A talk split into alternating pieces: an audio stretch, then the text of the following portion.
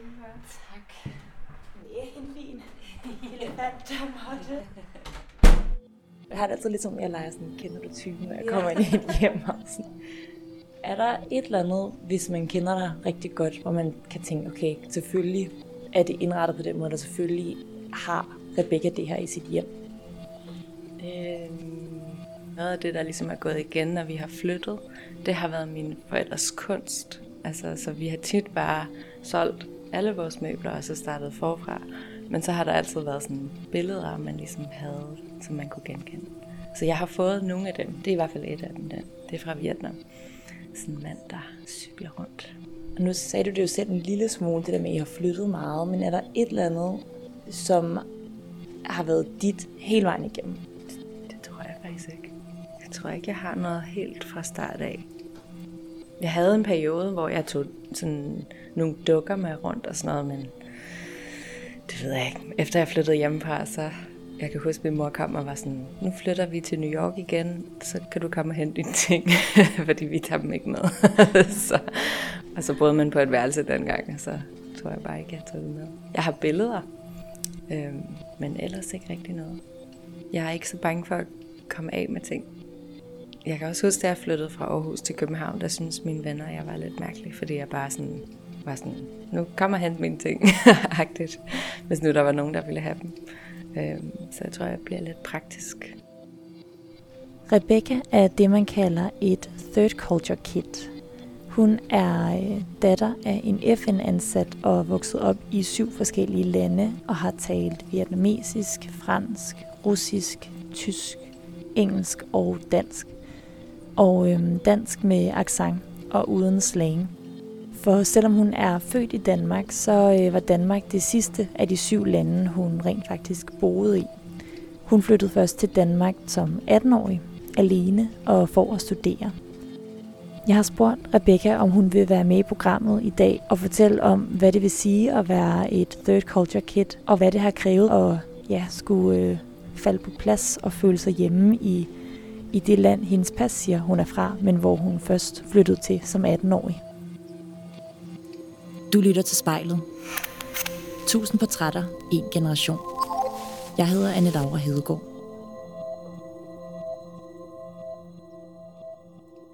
Jeg hedder Rebecca Vandel, og jeg er 30, og jeg er psykolog. Og nu har øhm, vi placeret os foran et meget højt spejl. og så er ideen jo, at øh, du skal kigge, have øjenkontakt med dig selv. Mm. Hvis du skal prøve at lave sådan et førstehåndsindtryk af dig selv, mm. hvordan vil du så, hvad er det første, du tænker, man lægger mærke til hos dig? Mm. Måske et smil vil man møde. Det tror jeg, at jeg møder de fleste mennesker med. Øhm, og også en, en ro, måske lidt sådan stille på nogle punkter. Jeg er også ret høj. Det synes jeg også folk måske lægger mærke til. Øhm, måske nysgerrig. Måske lidt tilbageholdende lige til en start. Og nu sidder jeg på venstre side af dig og lægger mærke til, at du har en elefant-tatovering bag øret. ja. Og bag dig på din bogreol står der også nogle elefantfigurer, og din dørmåtte er elefantformet. Hvad, hvad sker der med elefanterne? øhm, jamen det, det er sådan noget faktisk, jeg har fra min farmor. Øhm, min farmor, hun er ret vild med elefanter, og hun, hun er egentlig også ret sådan lidt, lidt lejende, øh, da vi var børn, så hun legede tit, at der var sådan en blå elefant og en lyserød elefant, og så om vi kunne se dem komme gående sådan foran os, og, og sådan noget. Så jeg tror bare, at, at jeg har arvet hendes øh, glæde for elefanter. Er du meget tæt med din farmor? Øhm, ja, det, altså hun har i hvert fald fyldt en del i min barndom, kan man sige. Min familie har været hjemme i Danmark alle sommer, da jeg var barn. Så jeg har ligesom været hjemme i, nu husker jeg det som om, vi har været hjemme i flere måneder ad gangen. Jeg er ikke helt sikker på, hvor lang tid det har været, men, øh, men der har min farmor været der. Øhm, og så har min farmor også været ude og besøge os de steder, vi har boet. De fleste steder i hvert fald. Og det kan være, at du lige kan starte med sådan at fortælle, hvad er et third culture kid? Jamen, det er egentlig et begreb for børn, der er vokset op uden for deres, øh, i hvert fald pasland, kan man kalde det, det land, de ligesom måske oprindeligt kommer fra, og tit på grund af deres forældres arbejde eller lignende. Øh, og så i møde med de nye kulturer, øh, får ligesom et mix af forskellige sådan kulturelle, kulturelle referencerammer. Øhm, ja. Min far han øh, har arbejdet for FN, så vi har fulgt hans, hans job, ligesom blevet stationeret. Øhm, det gør man tit, når man arbejder i FN. Så det er i hvert fald en af de børn, der er vokset op uden for Danmark, selvom jeg har dansk pas, øhm, og har boet mange forskellige steder. For at gøre det så sådan konkret som muligt, kan du så ikke løbe igennem, hvor har du boet, altså hvor er du født, og hvor, hvor er du ja, vokset op henne? Øhm, jeg er født, født i Danmark, øhm, men mine forældre de boede i Vietnam, øh, imens min mor har været gravid, så min mor er kommet hjem for at føde i Danmark. Øhm, og så tog vi ret hurtigt tilbage til Vietnam. Øhm, og så har jeg boet der, indtil jeg var fire. Og så flyttede vi til Kirgistan. Øhm, og så boede vi der i to og et halvt år. Og så flyttede vi til Turkmenistan. Og så boede vi der i to og et halvt år. Og så flyttede vi til New York og var der i syv år. Og så flyttede vi til Slovakiet. Øhm, og vi, jeg boede der faktisk kun officielt i et år. Men jeg havde et sabbatår efter gymnasiet i Prag, hvor jeg var rigtig meget hjemme. Så det føltes måske mere som to år. Øhm, og så flyttede jeg til Aarhus for at læse på universitetet. Og så er jeg flyttet til København efter det. Jeg ser mig selv i spejlet, og jeg hedder Rebecca. Nu har jeg jo inviteret mig hjem til dig, fordi du er et third culture kid. Altså nu er det jo alt, vi snakker om nu, men hvor meget fylder det for dig, at du, at du har den opvækst, som du har? Mm, jamen jeg, jeg synes faktisk, det fylder ret meget.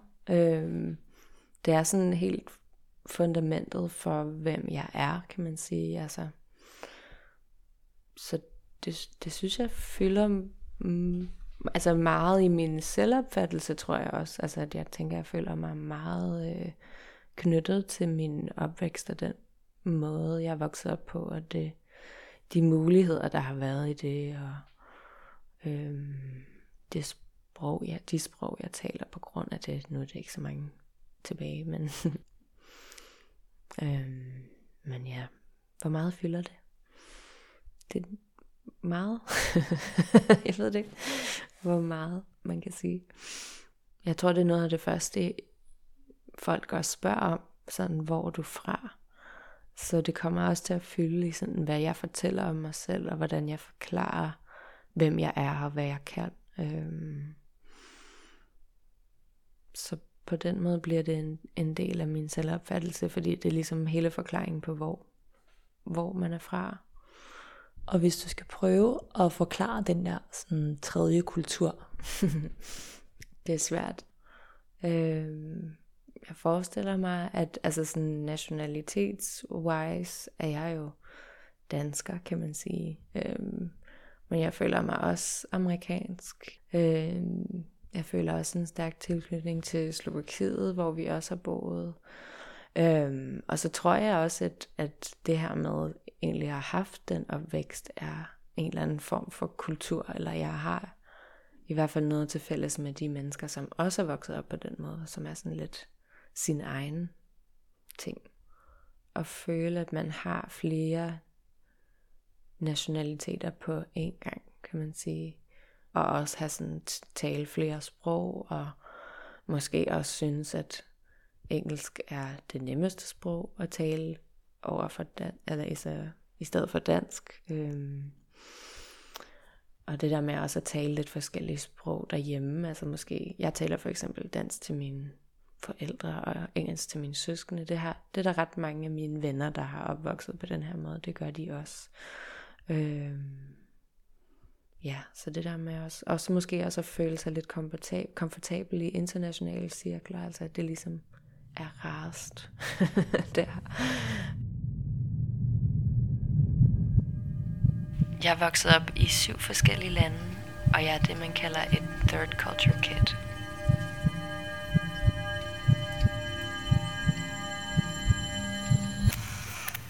Der er sikkert mange, der har skiftet skole. Men du har jo også skiftet sprog og kultur. Var det noget, du tænkte over var, var sådan anderledes, da du var lille? Ikke før jeg flyttede til USA.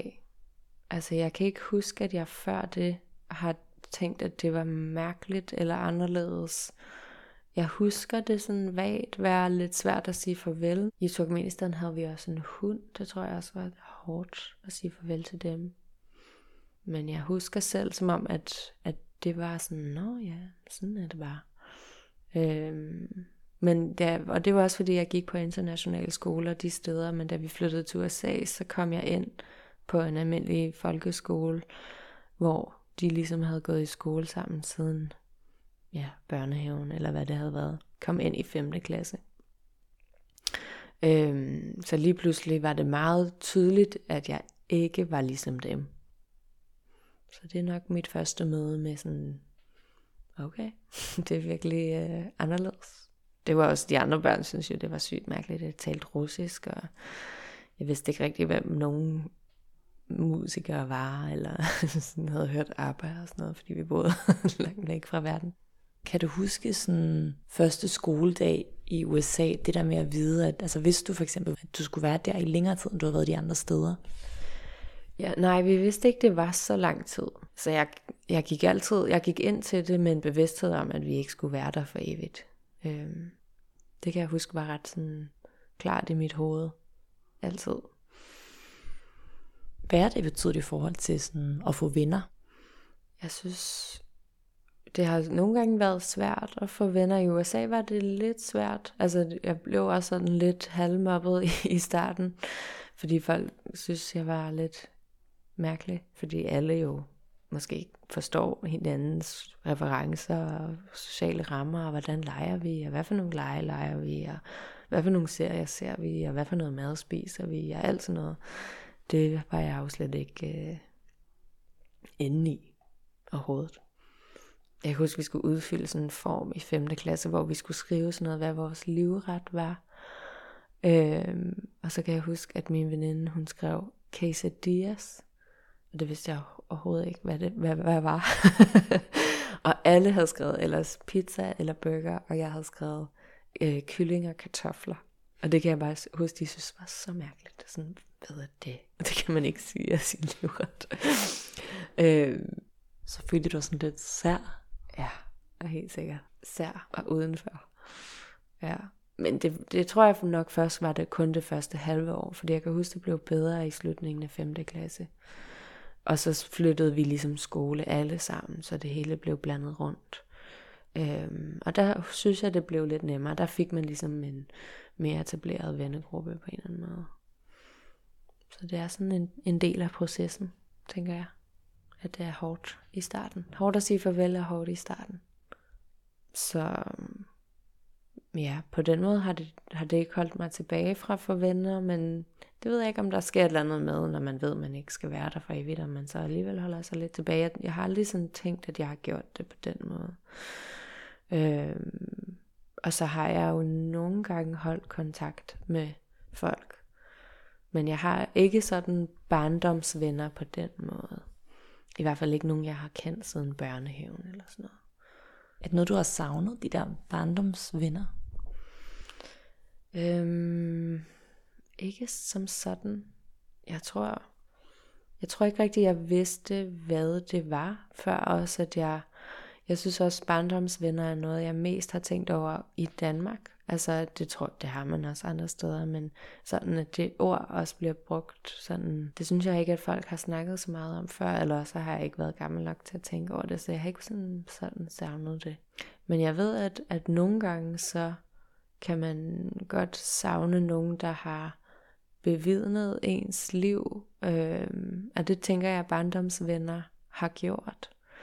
Men på den måde bliver søskende ret vigtige, fordi vi er ligesom dem, der har levet det samme liv, altså sammen med hinanden og ved, hvad der er sket og sådan nogle ting. Så på den måde skaber det måske en tæthed. Det har det i hvert fald gjort i vores familie. Mit første kulturschok var i USA, som jeg kom til, da jeg var 10 år.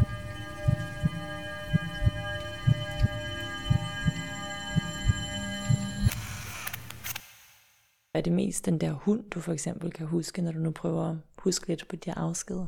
Ja, det er måske også, fordi jeg kom lige snakket om det i går. det der med, hvorfor, hvorfor kunne vi egentlig ikke tage vores hund med? Fordi min kæreste har taget hans hund med alle de steder, de har boet. Hvorfor er det, de er flyttet på den måde? Øhm, altså hans far har været i forskellige virksomheder, så det har egentlig været sådan mere business. Så han er også et third culture kid. Ja. Hvordan har I så mødt hinanden, når I ligesom har ja, boet mange forskellige steder? Øhm, vi har gået på sådan en øhm, sommerskole for danske børn, som der er en organisation, der hedder Danes Worldwide, der laver. Øhm, så det er tre uger på en lejet efterskole om sommeren, hvor man kan lære dansk, gå i Tivoli og lære om vikinger hos Andersen og sådan nogle ting. Ja, jeg var der fra jeg var 9 til jeg var 16. Er det også en form for livsvidner for eksempel? Ja, og også nogle, man har kunne læne sig lidt op af, når man har synes det har været svært at flytte tilbage til Danmark, tror jeg. Så både livsvidner og support. ja. Efter Slovakiet, så det her sabbatår i, i Prag, så tog du tilbage til Danmark. Mm-hmm. Hvorfor, øhm, ja, hvorfor, hvorfor skulle du tilbage til Danmark? Mm, jeg tror altid, jeg havde været lidt nysgerrig på at flytte tilbage og ligesom prøve at være dansk. Altså være dansk på min egen måde. Eller sådan. Jeg har jo altid været i Danmark med min familie. Øhm, så jeg tror, jeg havde lyst til at prøve kræfter lidt med det selv. Prøve at se, om jeg, hvad min tilknytning så var til Danmark. Og hvad var dine forventninger til at, øh, at flytte til Danmark? Jeg tror, at jeg tænkte, det ville være svært, fordi det var også første gang, jeg sådan rigtig flyttede hjemmefra. Så det tror jeg, jeg synes var lidt vildt. Øhm, men ja, det blev hårdere på måder, som jeg nok ikke havde forudset. Jeg tror øhm, ikke, at jeg havde troet, det ville være så stort et kulturschok. Og jeg, jeg troede heller ikke, jeg ville føle mig så fremmed, som jeg gjorde. Og det er egentlig sjovt, fordi min mor, hun købte faktisk sådan en bog, der handlede om, når man har boet væk fra sit pasland, og skulle gå tilbage og starte på universitetet i sit pasland. så det var sådan, jeg kunne måske have gættet mig til det. Men jeg tror ikke, at, og det stod der i, men det tror jeg ikke, jeg havde tænkt, at, at jeg ville føle mig så ikke dansk. Jeg følte mig virkelig sådan, nå, okay. Jeg tænker også det der med, at man har en forventning til, at man skal passe ind her. Altså jeg tror, i USA kunne jeg jo nok godt tænke mig til, at det vil jeg jo ikke kunne, fordi jeg har jo ikke prøvet at bo her før. Og jeg har ikke sådan en tilknytning til det, udover at lige flytte det til. Øhm, men Danmark tror jeg, at jeg tænkte måske, at jeg havde en større forventning til, at jeg ville føle mig hjemme hurtigt. Og kan du huske nogle sådan konkrete, altså hvordan følte du dig fremmed? Jeg tror, der, der var i hvert fald nogle sproglige ting, som jeg synes var svært. Jeg, altså jeg kendte ikke sådan helt slang, og jeg kendte heller ikke sådan danske ordsprog, og, og sådan noget, at alle havde set Beverly Hills, når de var kommet hjem efter skole, og øhm, ja, så der var mange ting, som folk ligesom refererede til, som jeg ikke rigtig vidste, hvad var. Som man ligesom skulle lære. Jeg havde altid tænkt, at jeg ville tilbage til Danmark for at finde ud af, hvordan det var, at jeg var dansk.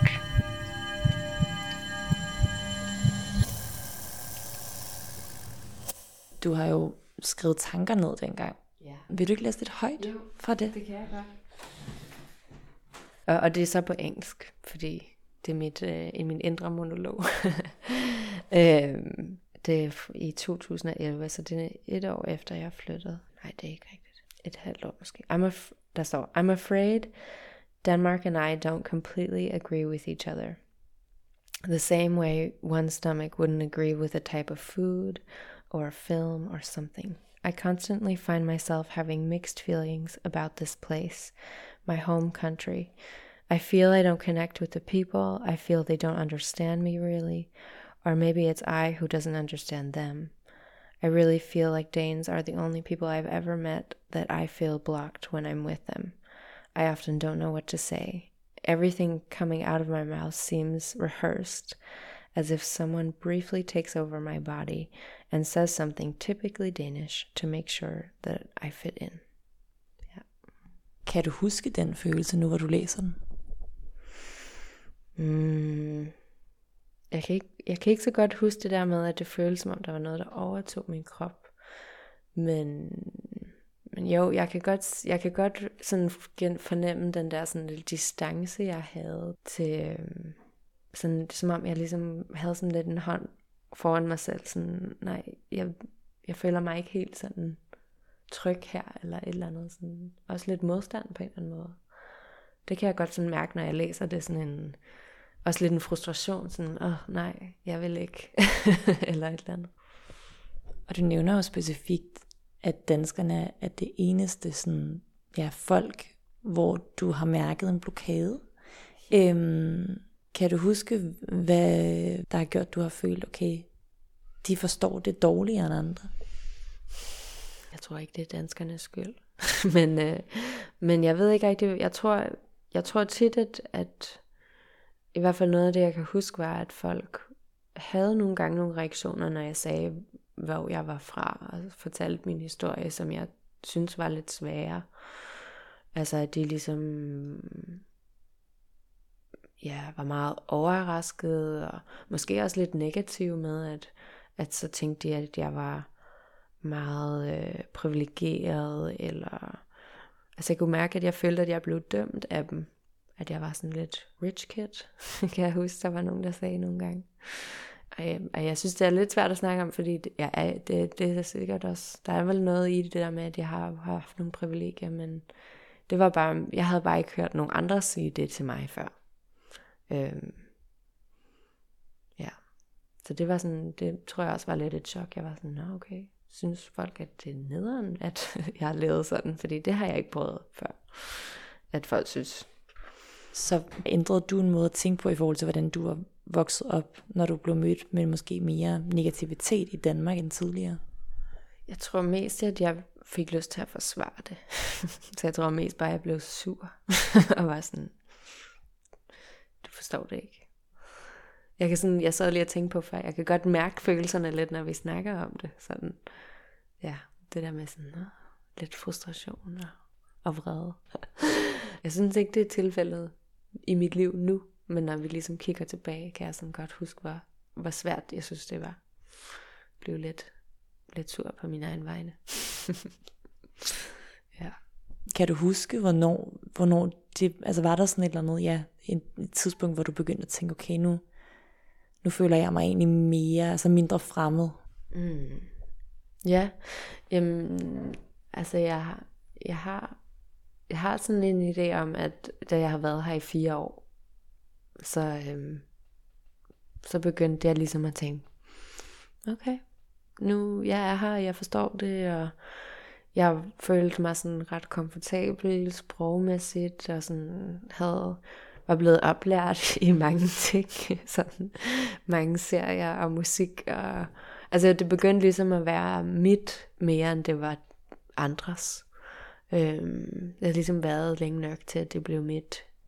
Øhm, så, så det var en, jeg husker det som om det var der omkring. Jeg husker, jeg gik rundt og tænkte i mit hoved, at efter fire år, det var der, hvor det begyndte at være godt. Sådan helt godt. øhm, men det, det har måske også været, altså når jeg nu tænker over det, så har det været også der, jeg flyttede til København, der omkring. Så jeg ved ikke, om det også har sket. Der var et skifte der. Øhm, det, der overraskede mig mest, det var nok danskernes holdning til min opvækst.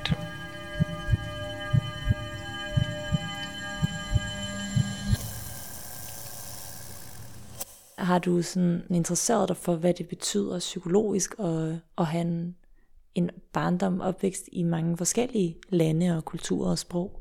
Mm, ja, helt bestemt. Øh, især når jeg er blevet ældre, tror jeg. Jeg tror ikke helt, jeg har haft en bevidsthed af, hvad det kunne gøre ved mig, før jeg blev lidt ældre og fik lidt afstand til det. Hvad ved du så i forhold til, hvad det gør ved, ved dig? hvad det gør ved mig? Mm. Øhm, det, er, det er komplekst. Øhm, altså jeg tænker, det har givet mig en åbenhed. Øhm, fordi det har været ret smart at være åben, når man skal flytte mange steder hen og møde mange forskellige mennesker.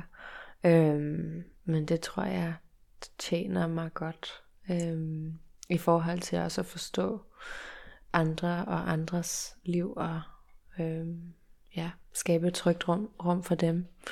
Øhm, så det bruger jeg ret meget i mit arbejde, tror jeg. Og også en bevidsthed om, at, at der er mange måder at leve sit liv på, og mange måder ligesom at, at være, altså mange forskellige kulturer, og folk gør mange forskellige ting, og have respekt for det. Øhm, det tror jeg, jeg har lært.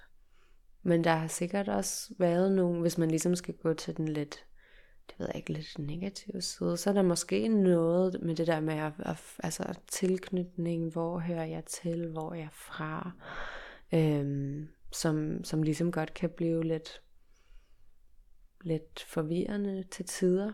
Øhm, så der er helt sikkert nogle ting, der er positive, og nogle ting, der er udfordrende. Men sådan forestiller jeg mig lidt, det er i alles barndom på en eller anden måde. Så øh, ja, så det er selvfølgelig spændende at dykke ned i, hvad er det lige præcis sådan en barndom gør. Føler du dig hjemme i Danmark nu? Er det sådan en, en base? Ja, jeg tænker, det bliver min base i mit liv. Øhm, men jeg, jeg er ikke sikker på, at jeg bliver her altid. Men ja, det kan også godt være, at jeg gør. Tror du, det ville have overrasket Rebecca der i 2011? Meget. Jeg kan huske, at jeg gik rundt og sagde til alle, jeg er her i to år max. Også fordi folk blev ved med at sige, nu skal vi være sammen de næste fem år. Og jeg kan huske, det kriblede ind i mig. Jeg tænkte, nej, nej, nej, skal vi ikke? og det var jo ikke, fordi jeg ikke ville være sammen med dem. Jeg tror bare, jeg tænkte, det kan jeg ikke slet ikke overskue og forholde mig til, at jeg skal være et sted så lang tid. Øhm, så det tror jeg ikke, øh, Rebecca fra den tid havde gættet. Det tror jeg jeg ser mig selv i spejlet, og jeg hedder Rebecca. Tak fordi du øh, havde lyst til at, at prøve det og svare på alle spørgsmålene. Ja, selv tak. Hvis du kigger for dig selv i spejlet nu, hvordan, øhm, hvordan, hvordan synes du, du ser ud nu? Øhm, jeg synes, der er lidt mere energi i kroppen lige nu. Bevægelse. Der sker et eller andet. Jeg tror, det er noget med at sådan, også have, at være, være altså at gå sådan ind i nogle ting ind i hovedet. Jeg tænker at måske i starten, at man sådan lidt, åh, øh, altså man skal på en eller anden måde igennem en eller anden mur ind i sig selv, for ligesom at dykke ned i fortiden, måske. Så nu, nu er jeg ligesom derinde, så føles det måske ikke så svært, eller nej, så så der er lidt, det er lidt nemmere at sådan bevæge sig og være i det.